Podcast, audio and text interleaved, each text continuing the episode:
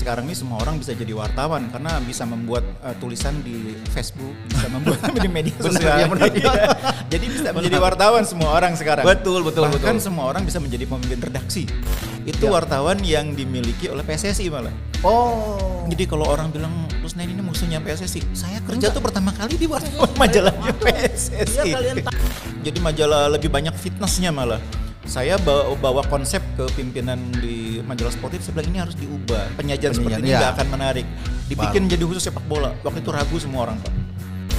Ya beruntungnya saya sampai di Ondelu itu, Di saya Ondelu. ketemu uh, Edgar Davids, Pierre van Hooijdonk, Pierre Van Hooijdonk ya. Van Hooijdonk. Tapi saya itu. sebetulnya waktu itu paling paling saya kejar tuh ketemu Sander Westerveld. Alex, Alex, sign, sign. Begitu udah tanda tangan saya bilang your name.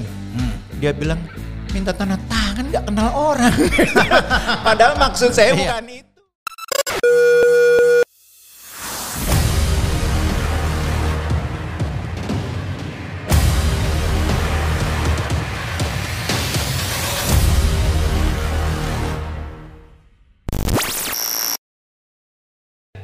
Ya, kita bertemu kembali dalam acara Nostal Bola. Ini episode ketiga yang sudah uh, kita mainkan selama ini. Dan kenapa ada Nostal Bola? Nah, Jebret Tim perlu tahu bahwa menyambut Euro 2020 yang diadakan pada 2021 karena pandemi kemarin, ini perlu kita sambut dan yang akan nanti berbicara banyak kita undang sengaja ke sini adalah orang-orang yang pernah terlibat langsung, ya pernah meliput ke sana.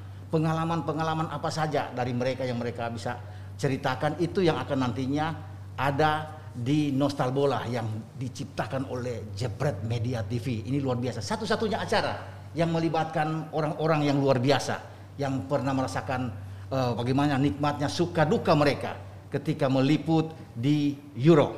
Dan saat ini tamu saya tamu yang luar biasa. Ah, ini spesial banget, spesial pakai telur. ya, Anda tahu di depan saya ini adalah eh, seorang komentator yang, waduh, sudah nggak perlu saya. Anda semua bisa tahu. Berpengalaman, semua dia sudah liput, mau Piala Eropa, Piala Dunia, apa pun. Komentatornya apalagi. Jadi memang semua. Tapi sebelum itu, saya akan memberikan selamat dulu. Di sini ada Mas Kus yang bisa dipanggil Mas Kus, ya. Bung M Kusnaini, Bung M Kusnaini. Woi, suatu kehormatan, Bung. Akhirnya kita berhadapan dulu setelah satu abad kita nggak ketemu. Padahal Kayaknya, kayaknya lepas masker dulu. lepas kali masker dulu ya. Ya, udah, lepas, lepas, lepas, lepas, lepas, lepas dulu, lepas ya. Biar biar lebih enak ini ya. Iya, Biar kan kita enak, juga oke. udah di antigen kan. Oh iya dong, udah, udah sehat aman. semua kita ke sini sehat Iya, semua, betul. sehat semua. Jadi dengan Mas Kus ini memang udah lama, tetapi baru kalau berhadapan begini ini jarang terjadi, ini susah baru pertama kali kita bisa head to head seperti ini dan sebuah kehormatan sekalian saya mengucapkan Mas selamat Anda baru terpilih sebagai dewas ya, dewan pengawas di RRI luar biasa Mas. Selamat, selamat sekali. Terima kasih, selamat. Bung Roban. Iya. Tapi kita tidak akan berbicara itu Mas. Kita Iya. berbicara sekarang Euro, ya Euro yang akan sudah di depan mata. Nah, Mas, di sini kan akan kita berbicara kesan-kesan Anda wartawan-wartawan yang punya pengalaman luar Mhm. biasa, ya meliput di sana. Kira-kira sebelum ke Euro itu untuk menjadi seorang wartawan tulis kemudian Anda bisa sampai dikirim ke sana, itu ceritanya gimana Mas? Tentunya dari awal nih, coba biar banyak yang tahu nih. Iya, saya pikir ini zaman yang uh, berbeda dengan yang kita alami sekarang ya. Ya. Dulu itu menjadi wartawan tuh sesuatu yang perjuangannya benar, butuh benar. betul-betul ya pengorbanan ya. Luar biasa ya. Sekarang ini semua orang bisa jadi wartawan karena bisa membuat uh, tulisan di Facebook, bisa membuat di media Benar, sosial. ya, benar. Iya. Jadi bisa menjadi wartawan semua orang sekarang. Betul, betul, Bahkan betul. semua orang bisa menjadi pemimpin redaksi. Semua orang semua bisa sekarang. orang bisa, bahkan Benar. bisa menjadi pemilik media. Betul. Itu keterbukaan informasi yang saya pikir sekarang menjadi sebuah peluang bagi banyak orang untuk Ya. mem- apa ya mengeksplor kemampuan jurnalistiknya. Ya. Dulu saya pikir Bung Ropan juga mengalami bagaimana kita ini setengah mati kalau mau jadi wartawan itu seleksinya Berdarah-darah ketat, berdarah-darah. Iya. Ada yang sampai dari Manado pindah ke Jakarta. Benar ada itu. Wah, anda, Dari anda langsung ke saya, ya. anda lang- ah, dia langsung, langsung ke saya nih Mas selalu. Langsung direct ke saya tuh. Dari Tomohon bahkan tahu beliau tahu. Aduh. ini. Ya, terus terus Mas. Saya dari Bandung pindah ke Jakarta. Dari Bandung ya. Masih supaya dekat dong. eh, iya supaya bisa jadi wartawan. Saya pertama kali jadi wartawan wartawan majalah sepak bola. Itu Ya. wartawan yang dimiliki oleh PSSI malah. Oh. Jadi kalau orang bilang Kusnaini ini musuhnya PSSI, saya kerja tuh pertama kali di wartawan majalahnya PSSI. Iya kalian tahu tuh Jabretin di PSSI kerjanya. Di majalah yang punya Majalah. PSSI dulu. Majalah apa tuh, Mas? Sepak bola. namanya. Majalah sepak bola. Dulu pemeretnya bola. masih Nugraha Besus. Nugraha Basus Sek, mantan sekjen dong. Ah, ah, sekjen zaman PSSI, dulu itu. Sekjen yang begitu terkenal, fenomenal. Iya, Oh, betul. Kang Nugraha. Iya, jadi dulu itu eh, sebetulnya tadinya kita mau bikin tabloid, tabloid. Cuma zaman waktu itu kan butuh yang namanya siup ya, siup. Ya, dulu masih ada siup, ya, iya, betul. siupnya nggak keluar, sehingga akhirnya saya bekerja di majalah sepak bola. Hmm. Sebetulnya meng- mengapa saya bekerja di sepak bola ini saya pikir konsekuensi karena saya memang pen- penggemar sepak bola. Ya, betul. Dari saya kecil kemudian masa pendidikan, kuliah semuanya urusannya sepak bola. Hmm. Bahkan saya menjadi penulis sepak bola itu sejak umur Umur apa? 16-an itu. Sejak umur 16. 16-an di pikiran rakyat. Jadi dulu saya punya apa punya semacam slot kolom di pikiran rakyat itu. Ya. Kolom sepak bola, tapi banyak nulisnya bukan bukan cuma Persib sebetulnya, tapi sepak bola keseluruhan. Ya. Dan selain saya tuh hanya ada dua penulis lain yang punya slot kolom itu. Yang satu seorang doktor, Dokter. Nah. dokter di, kalau dulu namanya IKIP ya, IKIP, IKIP, Bandung. mhm. Satu lagi seorang budayawan Sunda yang sangat terkenal namanya Raden Ading Afandi atau Raf. Raden Ading. Oh. Nah, yang ketiga itu anak 16 tahun. Yang pe- pembaca tuh nggak tahu kalau anak itu baru 16 tahun. begitu ya. Dan masih, itu- masih, dan masih bocah tuh ya. Masih jadi- 16 tahun. Jadi itu. saya nulis Coba. kolom itu bersama dokter, bersama budayawan. Mereka mereka nggak tahu pembaca di rumah kan siapa yang nulis Siapa gitu ya. yang nulis nggak tahu 16 tahun. Oh, luar biasa. Jadi eh, dari umur 16-an sudah nulis kolom sampai akhirnya ketika selesai dengan urusan pendidikan, saya akhirnya pindah ke Jakarta ke majalah sepak bola itu. ya. Nah, itu konsekuensi makanya saya bilang karena saya penggemar sepak bola, penggemar olahraga, Ah. nulis itu jadi kayak sebuah kebutuhan, Wih. bukan lagi hobi, kebutuhan. Kalau Kebutuhan. saya nggak nulis, apa yang saya tahu ini jadi nggak bermanfaat, harus ditumpahkan dalam tulisan. Ini kalau nggak nulis bisa meriang nih mas. Bisa ya? meriang, bukan cuma meriang, bisa pusing-pusing gitu. bisa kejang-kejang karena memang dulu kita itu hobi menulis semua ya. Iya. Jadi Gitu. nulis itu kayak kayak apa ya? Kayak sebuah ungkapan apa ya? eh, sebuah upaya untuk men- eh, mengkanalisasi apa yang kita tahu supaya lebih bermanfaat. Betul, Dan itu iya. jadi tulisan. Iya. Dan saya saya senang karena eh, kalau kata orang kan pekerjaan terbaik itu kalau pekerjaan yang dilandasi hobi. Sadar. Saya bekerja di dunia di mana saya hobi memang di situ. Benar, benar, benar. Uh, jadi itu me- menjadi sebuah kenikmatan tersendiri bagi saya. Makanya meskipun background pendidikan saya ada ada kimia-kimianya, Iya, kan agak bertolak belakang Iya. di background Mas. Saya tahu saya, saya tahu itu. Coba Iya. tapi mesti cerita, Mas mesti cerita langsung nih biar biar semuanya bisa dengar. Jadi meskipun saya background pendidikannya eh, kimia ya di laboratorium, tapi saya lebih banyak eh, berkarir di dunia jurnalistik. Bahkan Ya. bisa dibilang hampir semuanya di dunia jur- jurnalistik. Kalau dihitung dari dulu sampai sekarang, pekerjaan formalnya itu jadi wartawan 30 tahun lebih lah, 31 30 tahun ya. bahkan. Tapi kalau dihitung sama menulisnya sudah 30 enaman tahun itu. Kalau sudah tamat menulis, menulis ya, menulis 36 sebelum tahun. sebelum ke sepak bola ini, ke majalah sepak bola apa ke Iya di sepak bolanya aja. Di sepak bolanya aja. Sepak bolanya Oh, aja. luar biasa. Jadi memang eh, hidup saya sebagian besar menulis untuk eh, olahraga. Saya saya pernah jadi wartawan politik juga loh. Iya. Oh, Di wartawan politik, Politik. dulu tabloid berita Paron itu politik. Paron ya saya tahu tuh. Nah, ada Paron Itu tuh. saya dulu re- redaktur pelaksananya. Ya. Saya juga Dari pernah politik. bekerja di majalah gosip, Pak, majalah Ma- televisi. Majalah gosip. Dulu dulu i- dalam tanda petik mainannya tuh wawancara sama Kris Dayanti. Sama Dede Yusuf, sama Desi Ratnasari. Wah, cantik-cantik. Ayu. Ashari. Ayu Ashari. Wah, Dulu Mamma Mia. dulu kita ngikutin ke mana mereka syuting bisa berhari-hari itu. Jadi pekerjaan Emang. yang apa ya artisnya aja bosen apalagi kita yang ngikutin.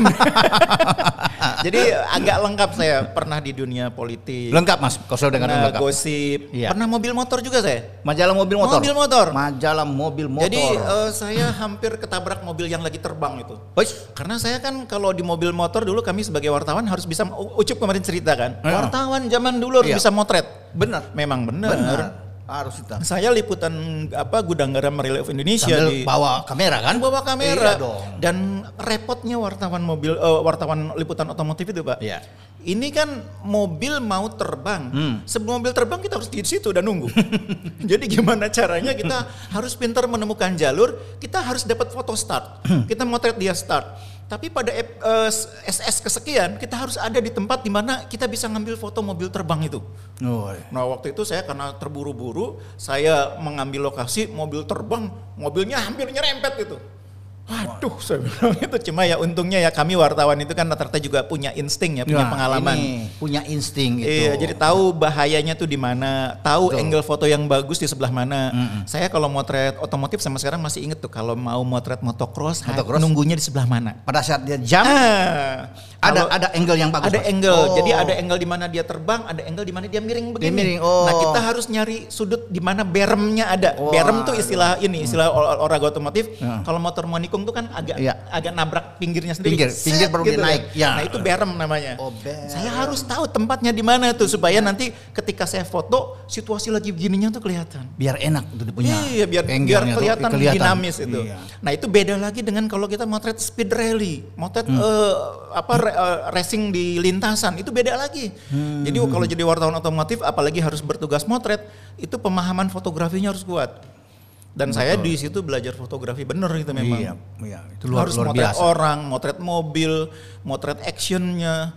Belum lagi belajar panning tuh. Panning itu Hmm. motret mobil lagi kenceng, mobilnya bagus, backgroundnya belakang kabur. Nah itu Ya, teknik panning itu ada teknik tuh mas Ada Iya, tekniknya. teknik. Harus belajar juga Itu, kita. saya tuh nggak bisa itu nggak bisa tuh ternyata mas Gus tuh memang all round angkat luar biasa wah Karena hobi juga ya. Jadi Iya. eh, karena saya begitu sampai di dunia jurnalistik, saya pikir wah menarik juga ini. Jadi saya tekuni juga itu teknik teknik fotografi karena emang banyak gunanya. Kita paham fotografi itu banyak gunanya. iya jadi itu pengalaman pertama tuh mas ya Iya. mas bisa cerita ya tapi setelah itu kan ada di sportif juga kan Sat? Iya, kan? sesudah saya bertualang dari Bertualang. otomotif, Iya. hiburan, politik, akhirnya saya bilang kayaknya dunia saya tuh sepak bola. benar sekali. Jadi akhirnya saya mundur dari majalah eh, tabloid politik Paron. Saya bilang sama pimpinan saya mundur, saya mau mengembangkan majalah sportif tapi saya arahkan jadi sepak bola.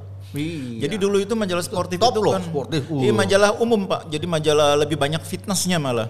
Saya bawa, bawa konsep ke pimpinan di majalah sportif. Saya bilang ini harus diubah. Gaya apa penya- penyajian, Hmm. Penyajian, seperti ini iya. nggak akan menarik. Dibikin jadi khusus sepak bola. Waktu itu ragu semua orang Pak.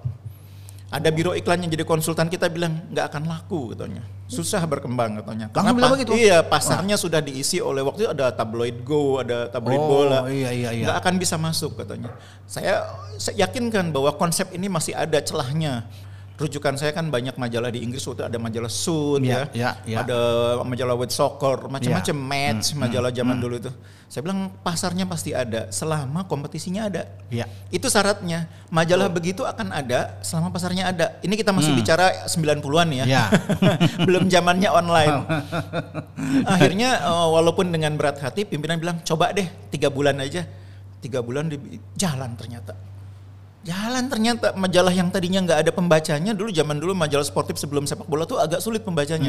Sesudah jadi majalah bola dulu jalan. dulu itu ada olimpik kalau salah ya? Olimpik olimpik dulu. kan Olimpik itu Pak bacaan saya waktu Iya. saya masih kelas 3, kelas 2 SD. Iya, itu bacaan juga saya juga baca Prestasi. itu prestasi benar Jadi ayah saya Olimpik. kerja di Jakarta, Iya. saya tinggal di Cirebon dulu. Nah. Jadi kalau ayah saya pulang, oleh-olehnya bukan makanan, bukan apa?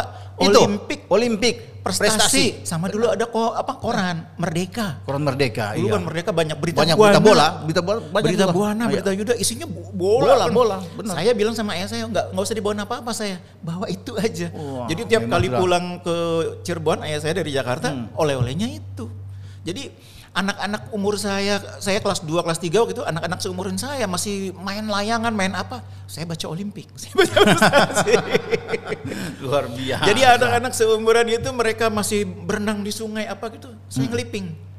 Seumuran saya waktu kelas 2 kelas 3 itu anak-anak seumuran saya mana tahu Purwono. Saya tahu Purwono Oh, kiper iya. PSSI Banteng. PSSI, iya, Purwono. Jadi Iya kan? bedanya saya dengan teman-teman walaupun saya tinggal di Cirebon di kampung, Iya. saya bacaannya itu. Jadi Luar biasa. clippingnya tuh saya punya. Jadi waktu Betul. orang bilang dari mana sih pengetahuannya?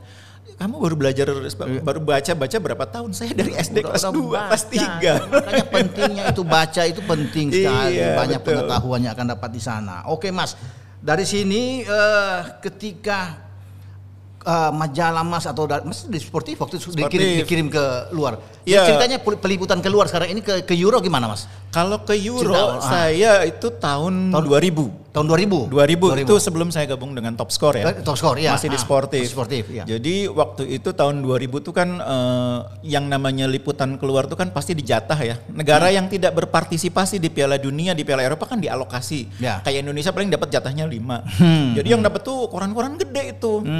Kompas, Ya. Pembaruan. Pembaruan, iya. Eh, karena itu yang ngatur kan PSSI, PSSI. sama sama KONI lah kadang-kadang ya kalau Olimpiade. Jadi kalau koran eh, majalah saya nggak dapat jatah itu, kalah berebut. Hmm. Akhirnya saya liputan pakai ID RCTI. Oh, iya benar. SD itu Iya, berangkat waktu itu, ID, iya. ID RCTI benar. sebagai broadcaster. Ya. Itu ada plus minusnya. Sebagai broadcaster kita nggak bisa masuk di press room. Nggak masuk bisa ya. Eh, tapi sebagai broadcaster kita bisa masuk ke camp-camp tim itu. Itu yang mengun- menguntungkan Ah, itu sekali yang di situ. menguntungkan. Itu yang Jadi eh, ketika teman-teman wartawan biasanya ngumpul di press room. Press room, ya. Kalau saya sih dari dari camp ke camp itu. betul. Dari Aksesnya ya. Aksesnya, aksesnya bisa lu- masuk. Iya benar. Dan sebagai broadcaster kita bisa mencicipi makanan juga banyak. Ya ini balik lagi ke makanan. Saya kemarin juga bilang begitu ke Wes. Wartawan Indonesia tuh nggak bisa lihat makanan. Di meja dihajar semua, gitu kan?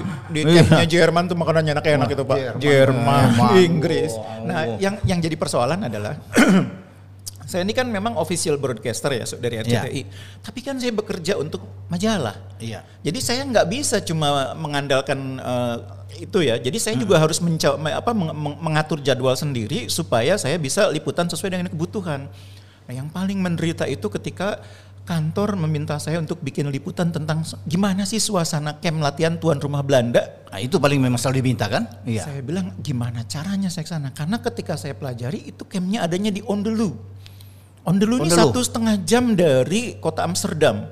Dan ke sana nggak ada transportasi Ker- publik. kereta? kereta sampai di titik yang kira-kira setengah jam lagi perjalanan.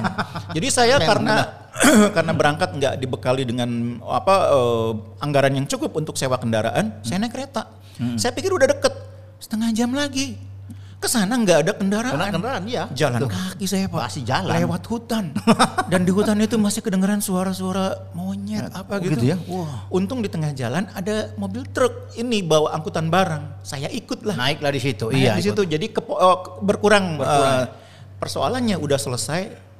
Pulangnya gimana? Baliknya. Ah. Tapi ntar dulu ya itu ya. Iya. Ya beruntungnya saya sampai di Ondelu itu Di saya Ondelu. ketemu eh, Edgar Davids, Pierre van Hooijdonk, Pierre van Hooijdonk ya. Van Hooijdonk. Tapi saya itu. sebetulnya waktu itu paling paling saya kejar tuh ketemu Sander Westerveld. Oh, itu kenapa Mas? Kok bisa Kiper Liverpool, Pak. kiper Liverpool.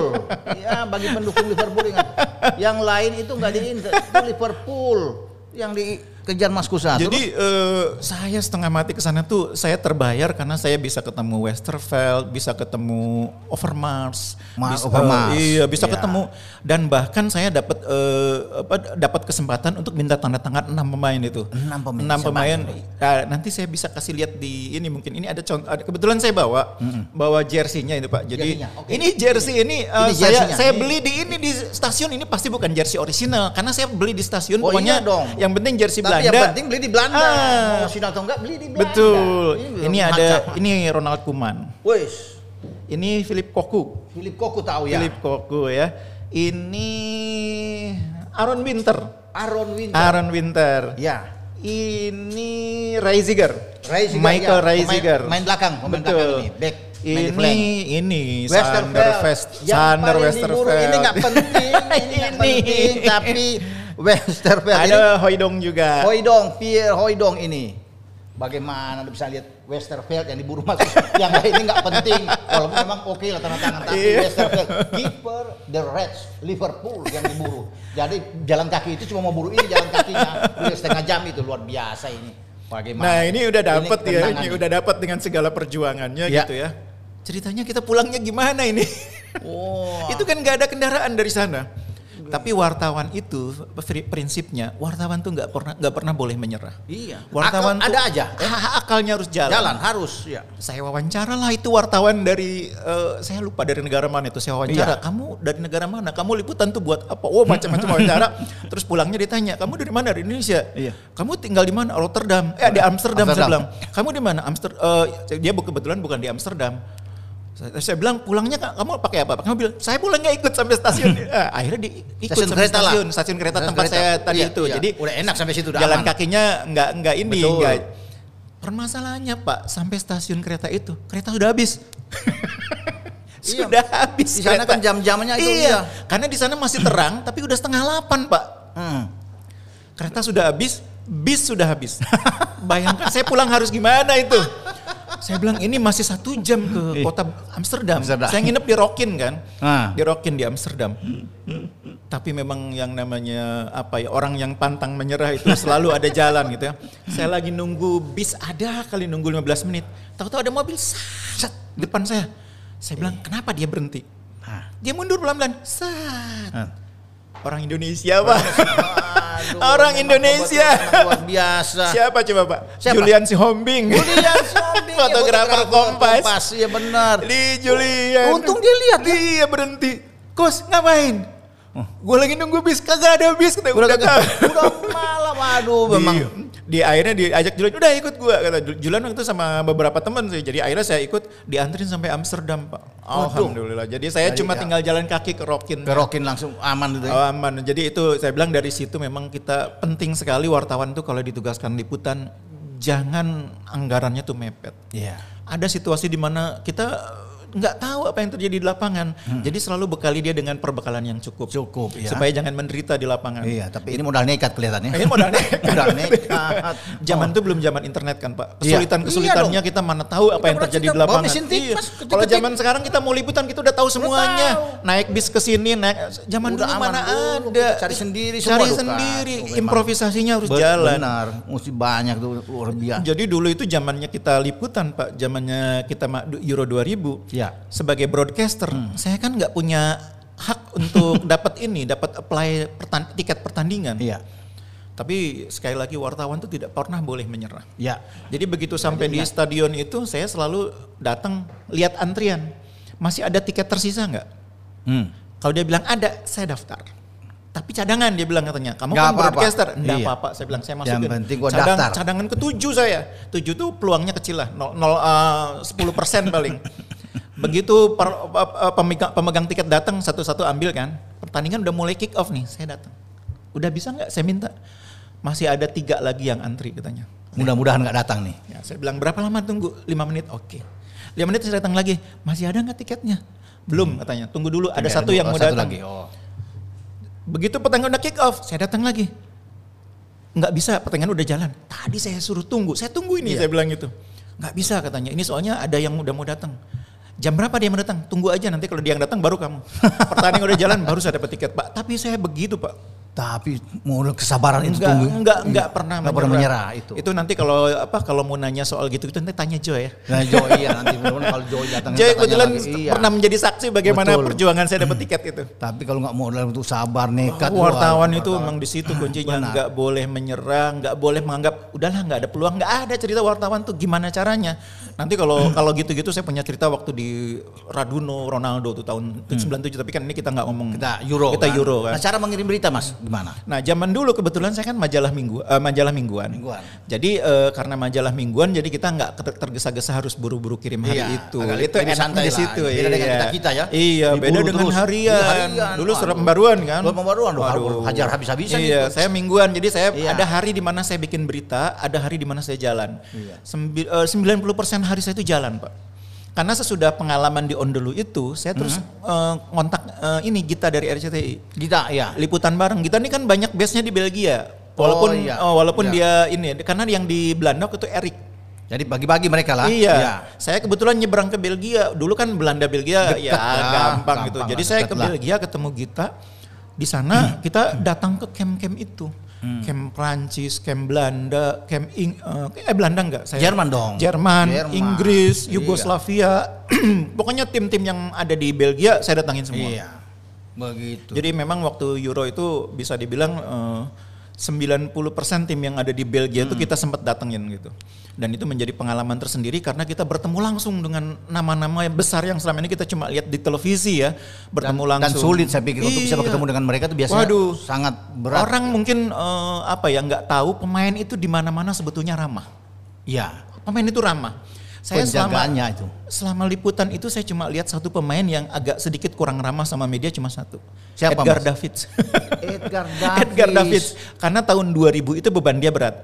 Iya. 96 dia kan nggak ikut Piala Eropa karena di depak saat-saat terakhir. Ya. 2000 dia datang sebagai wakil kapten. Dan waktu itu dia pertama kali main pakai kacamata, glukoma. Kacamata, Itu iya. pertama kali, makanya diburu media. Saya juga waktu ke sini sebetulnya nyari dia. Cuma saya panggil Edgar, Edgar. Jalan terus dia, nggak Wah, nengok. gitu. Aduh, Songong juga ya, Philip songong juga. Koku, saya panggil. Koku, Koku, datang. Datang tanda tangan. Itu tadi baru tak kasih lihat Koko ada. Iya, panggilnya David. David, David. Jadi dia pikir itu. Sander, Sander dia Iya. datang tanda tangan. Michael, Michael datang Reisiger. Reisiger, Reisiger. David cuek aja tuh. Dia David, nggak- David, Edgar, Edgar. Bablas aja. Mungkin tuh dia tahu su- sudah diwakili sama yang lain teman-teman ngapain gua Semua diwakili nih. pemain itu pada dasarnya ramah. Iya. Saya saya juga baru tahu pemain ramah tuh karena kita selalu ini kan selalu di mix eh, mix zone. Di mix zone, iya, mix Selalu deketin mereka dan Iya. mereka tuh nggak ada yang nolak. Semuanya pemain Iya. itu baik. Savo Milosevic, Dragan Stojkovic, Iya. Matea Iya. Kesman, Matea Kesman, iya. semua Prancis, Frank Lebu, saya duduk satu meja sama Iya, Lebu. Perang lebu. Saya duduk satu meja sama Bernard Lama sambil Iya. ngopi, Robert Pire. Robert Pire. Semua. Jadi pemain tuh Nama-nama enak semua. Ngeri, ngeri nama-nama semua. Semua pemain enak. Pemain Itali tuh dari mulai Del Piero, Maldini, Ah, wah semuanya. Del Piero, Maldini. Saya sebetulnya punya buku tanda tanganin Del Piero. Nah itu agak lucu juga tuh Del Piero. Nah, coba Jadi- cerita sedikit, Mas. Dari- Jadi dari eh, pemain Itali itu kan katanya nggak begitu mahir berbahasa Inggris. Ah. Jadi kalau ngobrol itu milih-milih kita mana yang kira-kira bisa bahasa Inggris. Hmm. Tapi kalau Del Piero kan buat saya kekecualian. Mau dia bisa mau kagak saya harus ngobrol sama dia. Pokoknya ketemu dia dulu. Ah, nih. iya, saya ajak ngomong itu. Dia agak AIWO gitu nggak apa-apa. Begitu selesai wawancara saya bilang, saya kan pegang buku Itali. Iya. Alex, Alex, sign, sign. Begitu udah tanda tangan saya bilang, your name. Hmm. Dia bilang, minta tanda tangan nggak kenal orang. Padahal maksud saya Iya. bukan itu. Biar nama ditulis lah Ah, nama saya dia. bilang, Alex, Del Alex, Piero, iya, Del masa Piero. gua nggak kenal Iya, kamu? Del Piero, Dia masa. langsung gini pak, Eh. minta tanda tangan nggak kenal gua. Padahal bukan itu maksudnya. Jadi akhirnya ditandakan sama Alex Del Piero. Itu buku itu saya simpan pak, nggak saya Iya. bawa ke sini juga. Ntar hilang lagi. itu pengalaman-pengalaman Mas Gus yang banyak cerita. Nah Mas kalau bisa melihat wartawan dulu, cara wartawan dulu dengan sekarang menurut Mas perbandingan apa sih perbedaannya? Dulu dan sekarang. Banyak sekali ya perbedaannya. Saya nggak bilang wartawan sekarang lebih mudah enggak. Iya. Semua punya kesulitan masing-masing dan saya sebagai Iya. wartawan ini juga sama sekali nggak istimewa ya Pak. Saya ini Iya. sebetulnya wartawan yang biasa aja. Jadi diundang ke sini itu Iya. sebuah kehormatan. Waduh. Luar biasa. Saya yang menjadi sebuah kehormatan Karena sebetulnya dari segi prestasi saya wartawan yang nggak layak diundang ke forum Oh, ini. Ini gitu luar dong. biasa Semua ini. layak, yang ke sini semua layak gitu kan. Jadi Tidak ada yang sebagai, tidak layak. Iya sebagai kan? wartawan biasa saya mendapat kehormatan diundang di Wah, sini. Nah, ini caranya luar biasa ini. Wartawan zaman dulu itu memang kesulitannya lebih besar karena teknologi tidak mensupport saat itu. Teknologi memang. salah satu Teknologi. Jadi kalau kita mau ke mana-mana tuh bekal informasinya terbatas. Ya. Bahkan kadang-kadang kita nggak tahu prosedur di sana harus gimana nggak tahu. Kalau wartawan zaman sekarang semua tersedia informasinya Bus. di internet. Lengkap. Lengkap. Lengkap, iya. Bahkan bisa dibilang orang tuh udah nggak perlu mikir tinggal ngikutin panduan internet aja. Udah udah Betul. udah bisa itu. Iya. Eh, datang di apa di apa di bandara harus ngapain, lewat pintu mana, keluarnya Hmm. Iya. ke mana, Betul. naik ma- metro yang mana, Hmm. turun di stasiun apa, jalan kaki berapa ratus meter supaya ketemu hotelnya. Udah enak banget semua udah dipandu. Hmm. Kalau dulu, kalau dulu kita hotel cari Zaman hotel. dulu, aduh, Cari hotel. turun di Duomo Milan. Duomo. Duomo. Ini saya nanti nginepnya di mana? Di mana? Eh, begitu sampai di sana, eh, saya baru ingat ada Hotel Flora. Iya. Hotel Flora tuh enak tuh Milan tuh ya. Pernah mungkin. saya cari-cari sebelah mana Hotel Flora. Ternyata agak jauh juga dari Duomo jalan kaki. Iya, iya. Kamu zaman sekarang tuh semua dimudahkan oleh teknologi. Karena itu wartawan zaman sekarang tuntutannya beda. Tuntutannya sekarang kreativitas Iya. harus lebih kreatif supaya beda dengan yang lain. Jadi kuncinya adalah harus bikin beda. Karena sekarang eh, istilahnya semua orang bisa bikin produk yang sama. Betul. Yang akan menarik, yang akan laku tuh kalau beda. Nah itu pembedanya itu yang sekarang menjadi tuntutan bagi wartawan zaman sekarang. Itu pesan-pesan ya, pesan-pesan Mas buat, Iya. buat yang muda-muda ini ya. Jadi jangan mudah kalau dapat informasi begini, oh, Iya. oh, dapat informasi di copy paste langsung dimuat. Jangan. Jangan. Ambil angle yang berbeda sendiri, Betul. ambil judul yang berbeda, pendekatannya harus Rumus. berbeda. Iya. Karena kalau copy paste gitu, nanti ketika tulisan Anda dimuat, Hmm. Anda googling di search, nama Anda nggak ada tulisannya. Yang ada tuh media-media yang lain yang lebih besar, yang lebih dulu. Bagi Anda wartawan muda dengar Ah, tuh. itu dia. Ini Jadi- tausiah dari Mas Gus ini ya. Bagaimana pesan-pesan dia buat Anda semua biar Anda lebih maju nantinya. Iya. kan? Lebih bagus. Jadi gitu. ketika Anda istilahnya dalam tanda petik meninggal tuh orang tahu karya Anda tuh apa. Iya.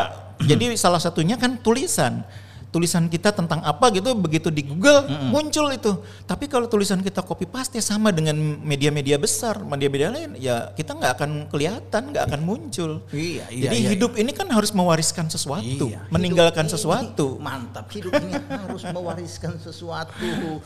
Mas, saya mau tanya ini begini, Mas. Sebagai komentator, Mas, apa resep Mas ini? Sudah kan sudah begitu lama nih Mas jadi Hmm. seorang komentator. Resepnya tuh bagaimana? Kok bisa awet ini?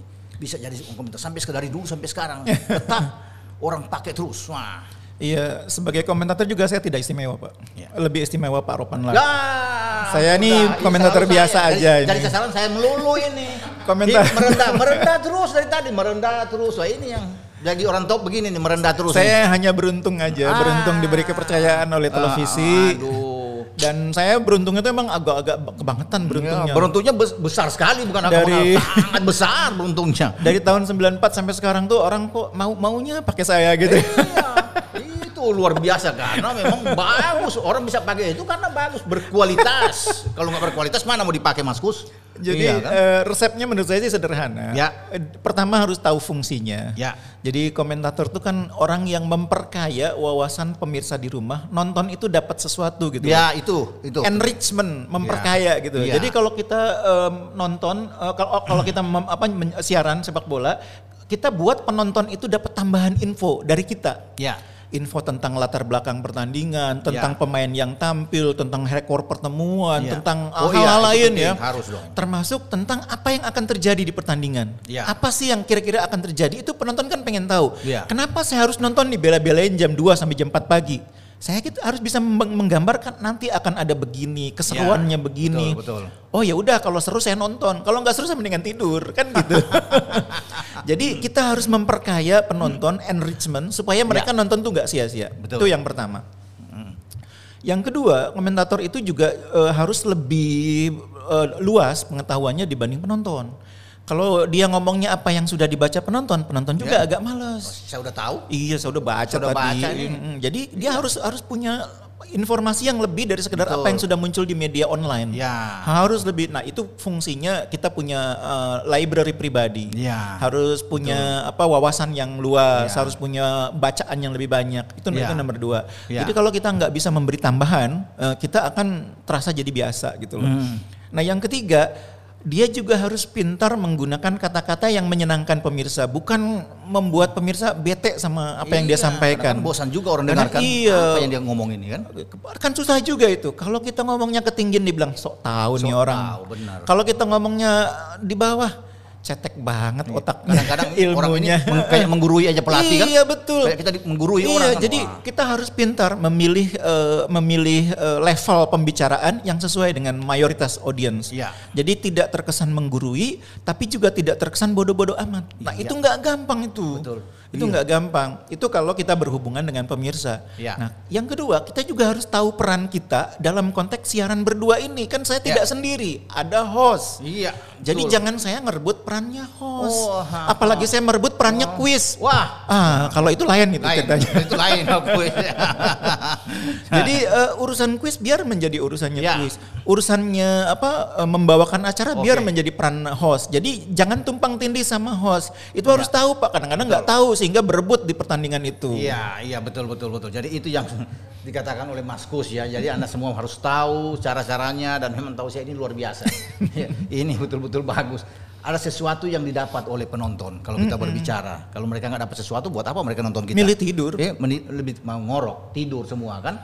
Oke, Mas Kus, terima kasih banyak. Ini Siap. sebelum kita akan pindah ini ada Ini quiz. udah udah mau sudah ini. Saya masih Ya? banyak di ceritanya. Ini masih mau Oh, quiz dulu, quiz dulu. Masih banyak. Kan masih ada satu jam lagi, satu jam. Tenang, tenang.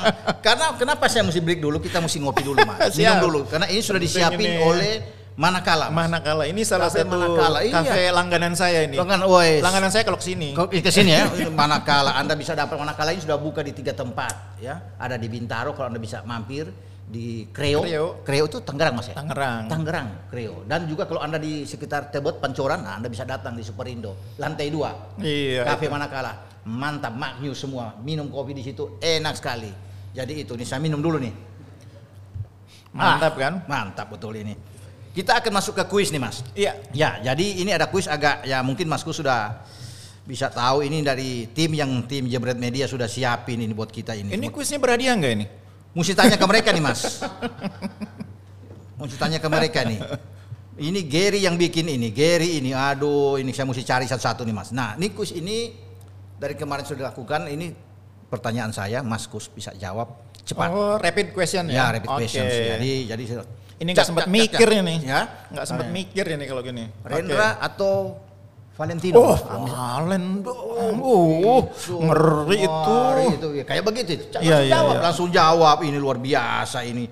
Kita kita tinggal ngecek ini nih. Aduh, rapid ini ya. Oke, Mas. Ya, siap Mas ya? Siap. Sudah disiapin oleh tim ini dari Jebret ini media nih. Ya. Pertama, Ya. Durian montong atau durian Medan? Durian Medan dong, lokal punya Durian Medan. itu. Sekarang saya tanya Ucok. Ucok. Daripada lama-lama saya tanya, kenapa pilih Medan? Ucok rasanya nggak ada lawan. Kalau durian Pak ya, sampai sekarang saya menganggap itu masih satu di antara dua yang terbaik. Wih. Mungkin uh, ada ada beberapa durian yang enak Pak. Ah. Ada durian, uh, Bapak pernah makan durian tomohon? Itu enak punya. Mas sudah, Sudah saya, belum makan, sudah Aduh. makan duluan tuh mohon itu. Ada durian Banyuwangi yang warnanya merah muda. Wih. Itu juga Warna enak. merah muda mas. Saya pernah Belum merasakan saya rasa tuh. lebih dari 20 jenis durian di Indonesia, Pak. Lebih dari 20. Lebih dari 20. Di Kalimantan juga banyak jenis duriannya, Pak.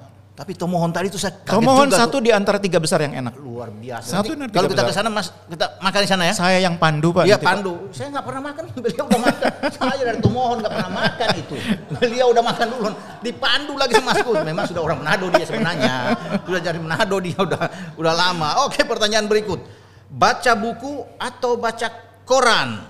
Baca buku dong. Baca buku. Sekarang fungsi Alasan? koran Nah, sudah iya. digantikan oleh fungsi gadget. Itu Gadget, persoalannya. Saya udah jarang baca koran, Pak. Udah jarang ya sama Jarang baca sama koran. juga sama juga ya. Jadi alasannya apa tuh? Memperkaya, memperkaya, Iya. memperkaya, memperkaya. Kan fungsinya enrichment komentator itu. Enrichment. Jadi baca buku pilih Mas Kus. Iya, jangan baca komik terus. Jangan baca, jangan baca komik lu. Oke, berikut next. Roberto Baggio atau Zinedine Zidane? Saya kalau itu agak susah sebetulnya, tapi mau tidak mau saya harus Ah. Harus Bajo. harus Baggio. Bajo. Bukan Zidane. Saya memang ba- karena Itali banget saya itu, Pak. Itali atau karena ini Juve ini Baggio dari Juve atau pindah ke mana ke Itali benar? Enggak, saya enggak enggak terlalu itu karena karena pada Karena dasarnya Italia saya ini, saya bu- bukan bukan Juventini juga. Bukan Juventini Kalau Ucup memang. Juventini. Kalau ini kita tahu bersama memang main juga. Liverpool gimana? Tapi Bajo itu memang karena dari, dari Itali saya dari dulu eh, lebih suka Bajo. Iya, karena memang Baggio lebih dulu muncul dibanding ya Baggio ya. Iya generasinya. Iya, generasi Bajo itu kalau istilahnya gini Pak. Kalau sebuah story itu dramanya lebih banyak daripada Zidane. Zidane juga ada dramanya termasuk sama Materazzi ya. Materazzi drama. Tapi kalau Bajo itu lebih kaya dari mulai yang bahagia, senang, segala macam ada di situ. nendang, nendang penalti itu Ah, melayang itu. lawan Brasil itu kan. Ah, Wah, itu kesedihan yang luar biasa Kesedihan itu. tuh penentuan di dia. Jadi Baggio tapi tetap Baggio. Luar biasa ini pilih Baggio. Orang pikir Zidane ya? Zidane masuk pasti Zidane Zidane. Baggio. Oke, kita akan berikut nih. Ya, jadi komentator Liga luar atau Liga Indonesia? Liga 1 dong. Indonesia gitu loh Liga Pak. 1. Liga dalam negeri. Indonesia. Nanti saya Alasannya? dima- dimarahin Ibu Siwi saya kalau nggak bukan Liga 1. Jadi alasannya alasannya Enggak, saya lebih suka liga, lebih liga lokal karena itu lebih dekat ya. Ada proximity-nya gitu loh kalau bahasa orang media. Begitu Ada kedekatan emosional. walaupun kalau sendiri juga masih di luar masih di luar tetap cuma Liga itu Champion, Liga Inggris lebih kan. lebih ke Iya. ini ya, lebih ke profesi. Profesi. Tapi kalau Tapi- liga lokal tuh ada kedekatan emosional. nasional, tuh, Ini Garuda. Pak Garuda, di Garuda, dada. Garuda, Garuda, Garuda. Oke, lebih rela Italia atau Prancis juara di Euro 2020? Italia, Italia. Saya belum habis baca, langsung belum habis baca langsung. Italia. Di Euro 2020 Italia.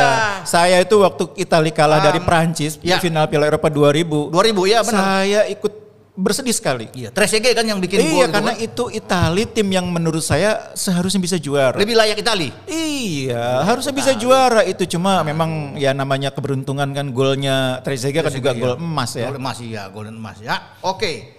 Lebih enak siaran sama partner yang tipikalnya. Ini saya mau nebak apa nih? Saya nggak ngomong. Yang tipikalnya berisik atau kalem. Berisik lah itu. Mentang-mentang Berisik. mentang-mentang, woi, mentang-mentang ada CEO. Kalau berisik Pak, sayanya nggak perlu berisik. Iya, jadi berisik, yang betul berisik. Ini pertanyaan. Lebih enak siaran sama siapa kok ya? Sama siapa ya partner yang waduh, lihat berisik atau yang semangat kalem? kan kalau yang berisik itu semangat. Jadi Itu kita ke alasannya bawah. di situ alasannya. Ke bawah. Berisik. kita ke bawah jadi semangat eh, kalau Iya. dia berisik. Kalau komentatornya lemes gitu kan Kalau- kita jadi aduh lemes Kalau berisik juga. itu yang semangat tuh seperti siapa loh? Seperti ada ada nggak kawan? di yang- Indonesia nggak ada lawannya tuh Valentino. Nggak ada lawan. Nggak ada lawan itu. Valentino, mentang-mentang Valentino undang ke sini. Mana mana Valentino mana Valentino mana dia? Basah basah. Banyak. Banyak iya Valentino Bang Gigi. Hah? Wah, Panjang zaman. sepanjang zaman ya. iya. Valentino Dulu, udah. sekarang dan selamanya. nah, Kampus Bordewas. waduh, ya. Dewa. Udah Jadi kalau luar- kalau saya nama Valen saya Dari udah luar biasa saya ini. udah tinggal, tinggal duduk manis Tinggal- aja. Begitu. Udah tinggal duduk manis. Resepnya itu tinggal duduk aja. Ini manis. Dia yang menghidupkan apa suasana, Suasana. dia yang menghidupkan siaran, bahkan sekarang dia juga punya apa punya tambahan ilmu-ilmu yang dia bagikan. Iya. Wah, kadang-kadang dia ngomong tentang oh, Banyak umpan. ilmu, banyak Eh, teknik umpan. teknik itu dia tahu. Udah Dia kayak ba- kamus, ada kamus khusus. Iya, Kalau ini artinya itu. ini, ini nendang ini begini. Saya sampai bilang gini, luar biasa pengetahuan Anda, Bung pengetahuan. Orang orang nggak tahu. mana? Ma, yang IG-nya mana? IG kita lagi tunggu IG-nya dan IG tolong. Sudah, sudah ada. Abra ada kirim IG ke sini. Ya, jadi setelah Mas Kus sekarang sudah jawab yang tadi itu bahwa pertanyaan ini jadi ada ada lagi nih Mas Kus ini dikirim sama Abrar nih katanya. Mana Abrar? Lu kirim ada. Oke. Wah, Abrar ini kacau nih Abrar ini main kirim. Bilang dong Brar kalau ada ini kan. Waduh, dijawab semua nih. Ini dari Mas, Mas tahu nggak yang yang nanti ini? Ini Mas kaget nanti. Siapa Bungkus ya? pasti kaget nih. Ini langsung kirim IG luar biasa. Ini teman saya juga ini. Sama-sama orang Jerman dia. Dia pernah kasih kau Stuttgart. dia kasih orang Stuttgart sama saya nih. Pasti Mas Kus kaget nih. Ya Mas Kus lihat ya. Nggak nyangka nih ya. Ini dari Timo Schunemann. Oh, Timo, biasa. Timo, dari Deutschland über alles. Ya. Timo di Malang nih Mas ya. Luar biasa di Timo ada di Malang. Ini, woi Deutschland über alles Timo. Aduh. Tetapi saya Munchen, dia Stuttgart mas. Aduh. Iya. Ya, ah?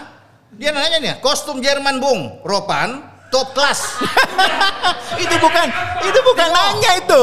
Timo, pertanyaannya apa? Top kelas apa? Apa?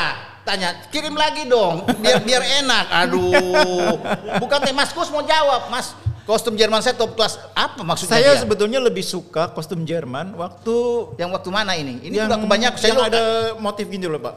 Oh yang dia juara Iya, juara, dunia iya. juara tahun 90 dong. Iya, itu terbaik. 90. Menurut saya itu terbaik. Itu yang terbaik ya. Terbaik. Oh. Itu pernah dikasih saya sama Om Simon tuh kostum yang itu. gitu ya. Wah ini nggak tahu Jerman yang mana Timo. Aduh Timo kasih pertanyaan ini. Nah kemudian ini mas Rashid underscore Icardai. Kenapa pelatih Italia Roberto Mancini mencoret tiga pemain yang menurut saya itu sangat penting? Iya. Iya, itu bagaimana ini mau jawab? Sebetulnya dia nggak sebutin siapa aja ya. siapa aja iya. Tapi memang eh, di apa Secara di iya. di Piala Eropa ini ada beberapa kejutan ya. Iya. Seperti misalnya Inggris masa bawa empat back gitu ya. Empat back, back kanan. back kanan. Ada Trent sana Iya. ya, Chris James ya. Iya, jadi Kyle Walker. Kyle Walker, juga. Jadi emang eh, sekarang ini sepak bola memang tidak lagi berpaku kepada posisi tertentu. Itu Ya. yang pertama argumennya. Argumen. Tapi berpaku kepada eh, performance, siapa yang lagi bagus. Apalagi sekarang pemain kan rata-rata bermain tidak di satu posisi. Iya. Bisa bek kanan, bisa, bisa bek bek- tengah. iya, bek tengah. Bisa bek kanan, Bisa bertahan juga gelandang kan? bertahan, Iya. bisa sayap kanan. Iya. Aspilicueta final Iya, main jadi bek tengah, tapi di kanan. Betul. Sebelumnya main sebagai uh, wing back kanan. Iya. Waktu lawan Madrid ya. Jadi memang uh, sekarang nih posisi pemain tuh lebih cair. Betul. Nah, yang kedua, kalau soal pemain dicoret itu biasanya kebutuhan tim. Disesuaikan Pelatih iya, pelatih ngelihat gini. Saya sudah punya 11 pemain utama nih. Hmm. Dia udah punya bayangan tuh. Saya sekarang butuh pemain pelapis yang kuat untuk posisi ini, ini, ini. Nah pemain yang tidak memenuhi kriteria untuk menjadi supportnya, Hmm. dia coret.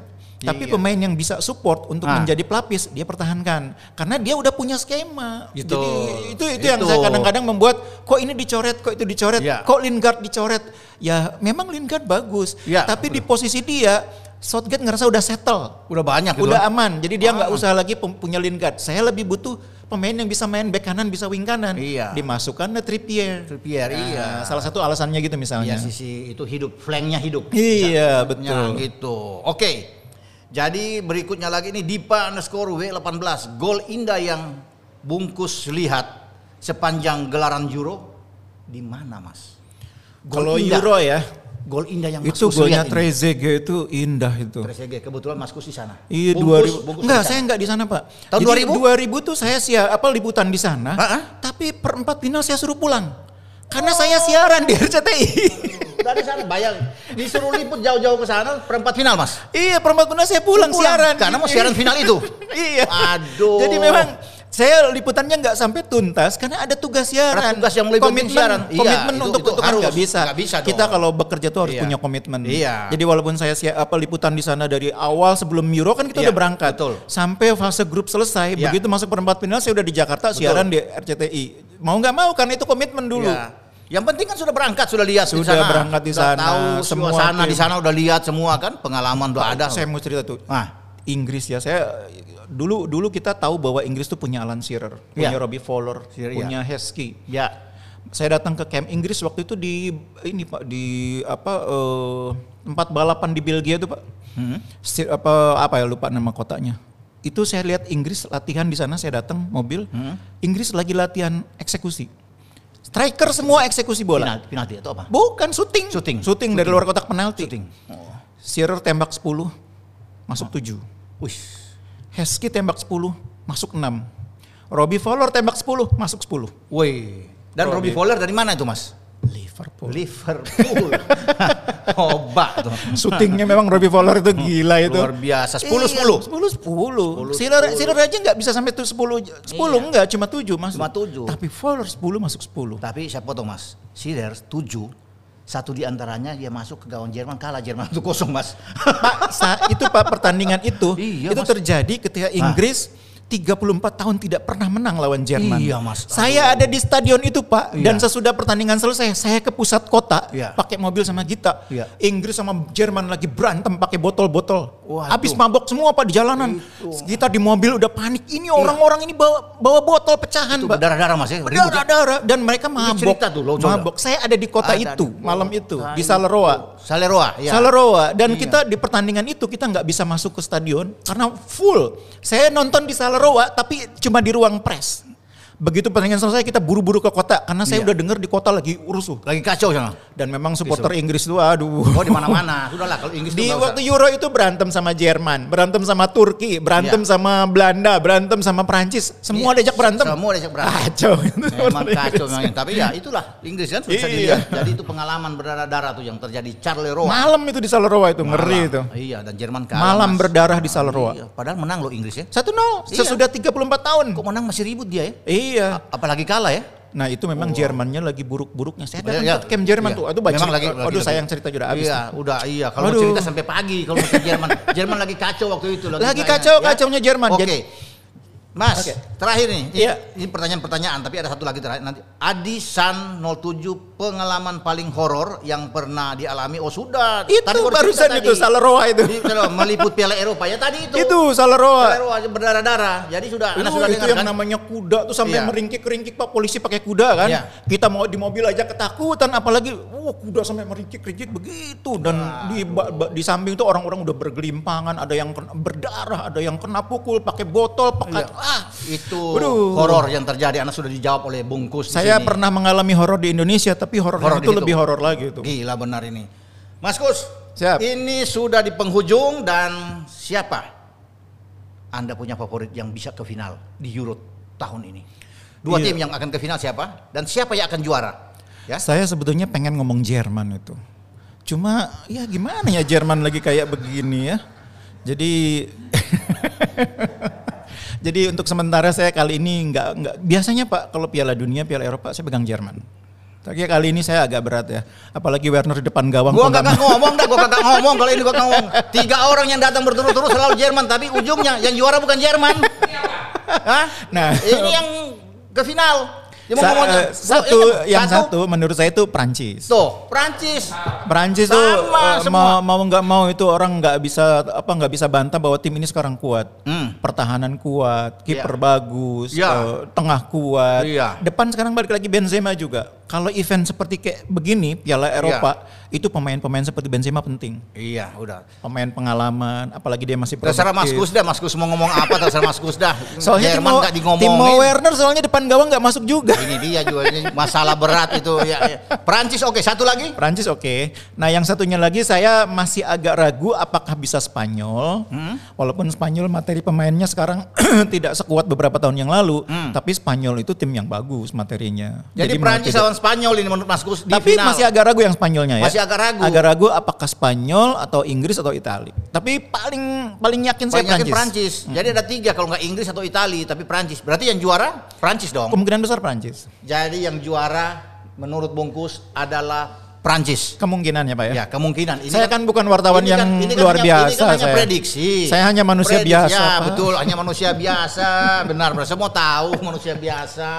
Jadi Mas Gus sudah di penghujung dan mengatakan Prancis sama kemarin juga Prancis semua. Prancis loh. juga ya. Secara bersamaan kok sudah Kita ada. ulang bisa nggak? Ya bicara-bicara Mas. Saya bisa ngomongnya.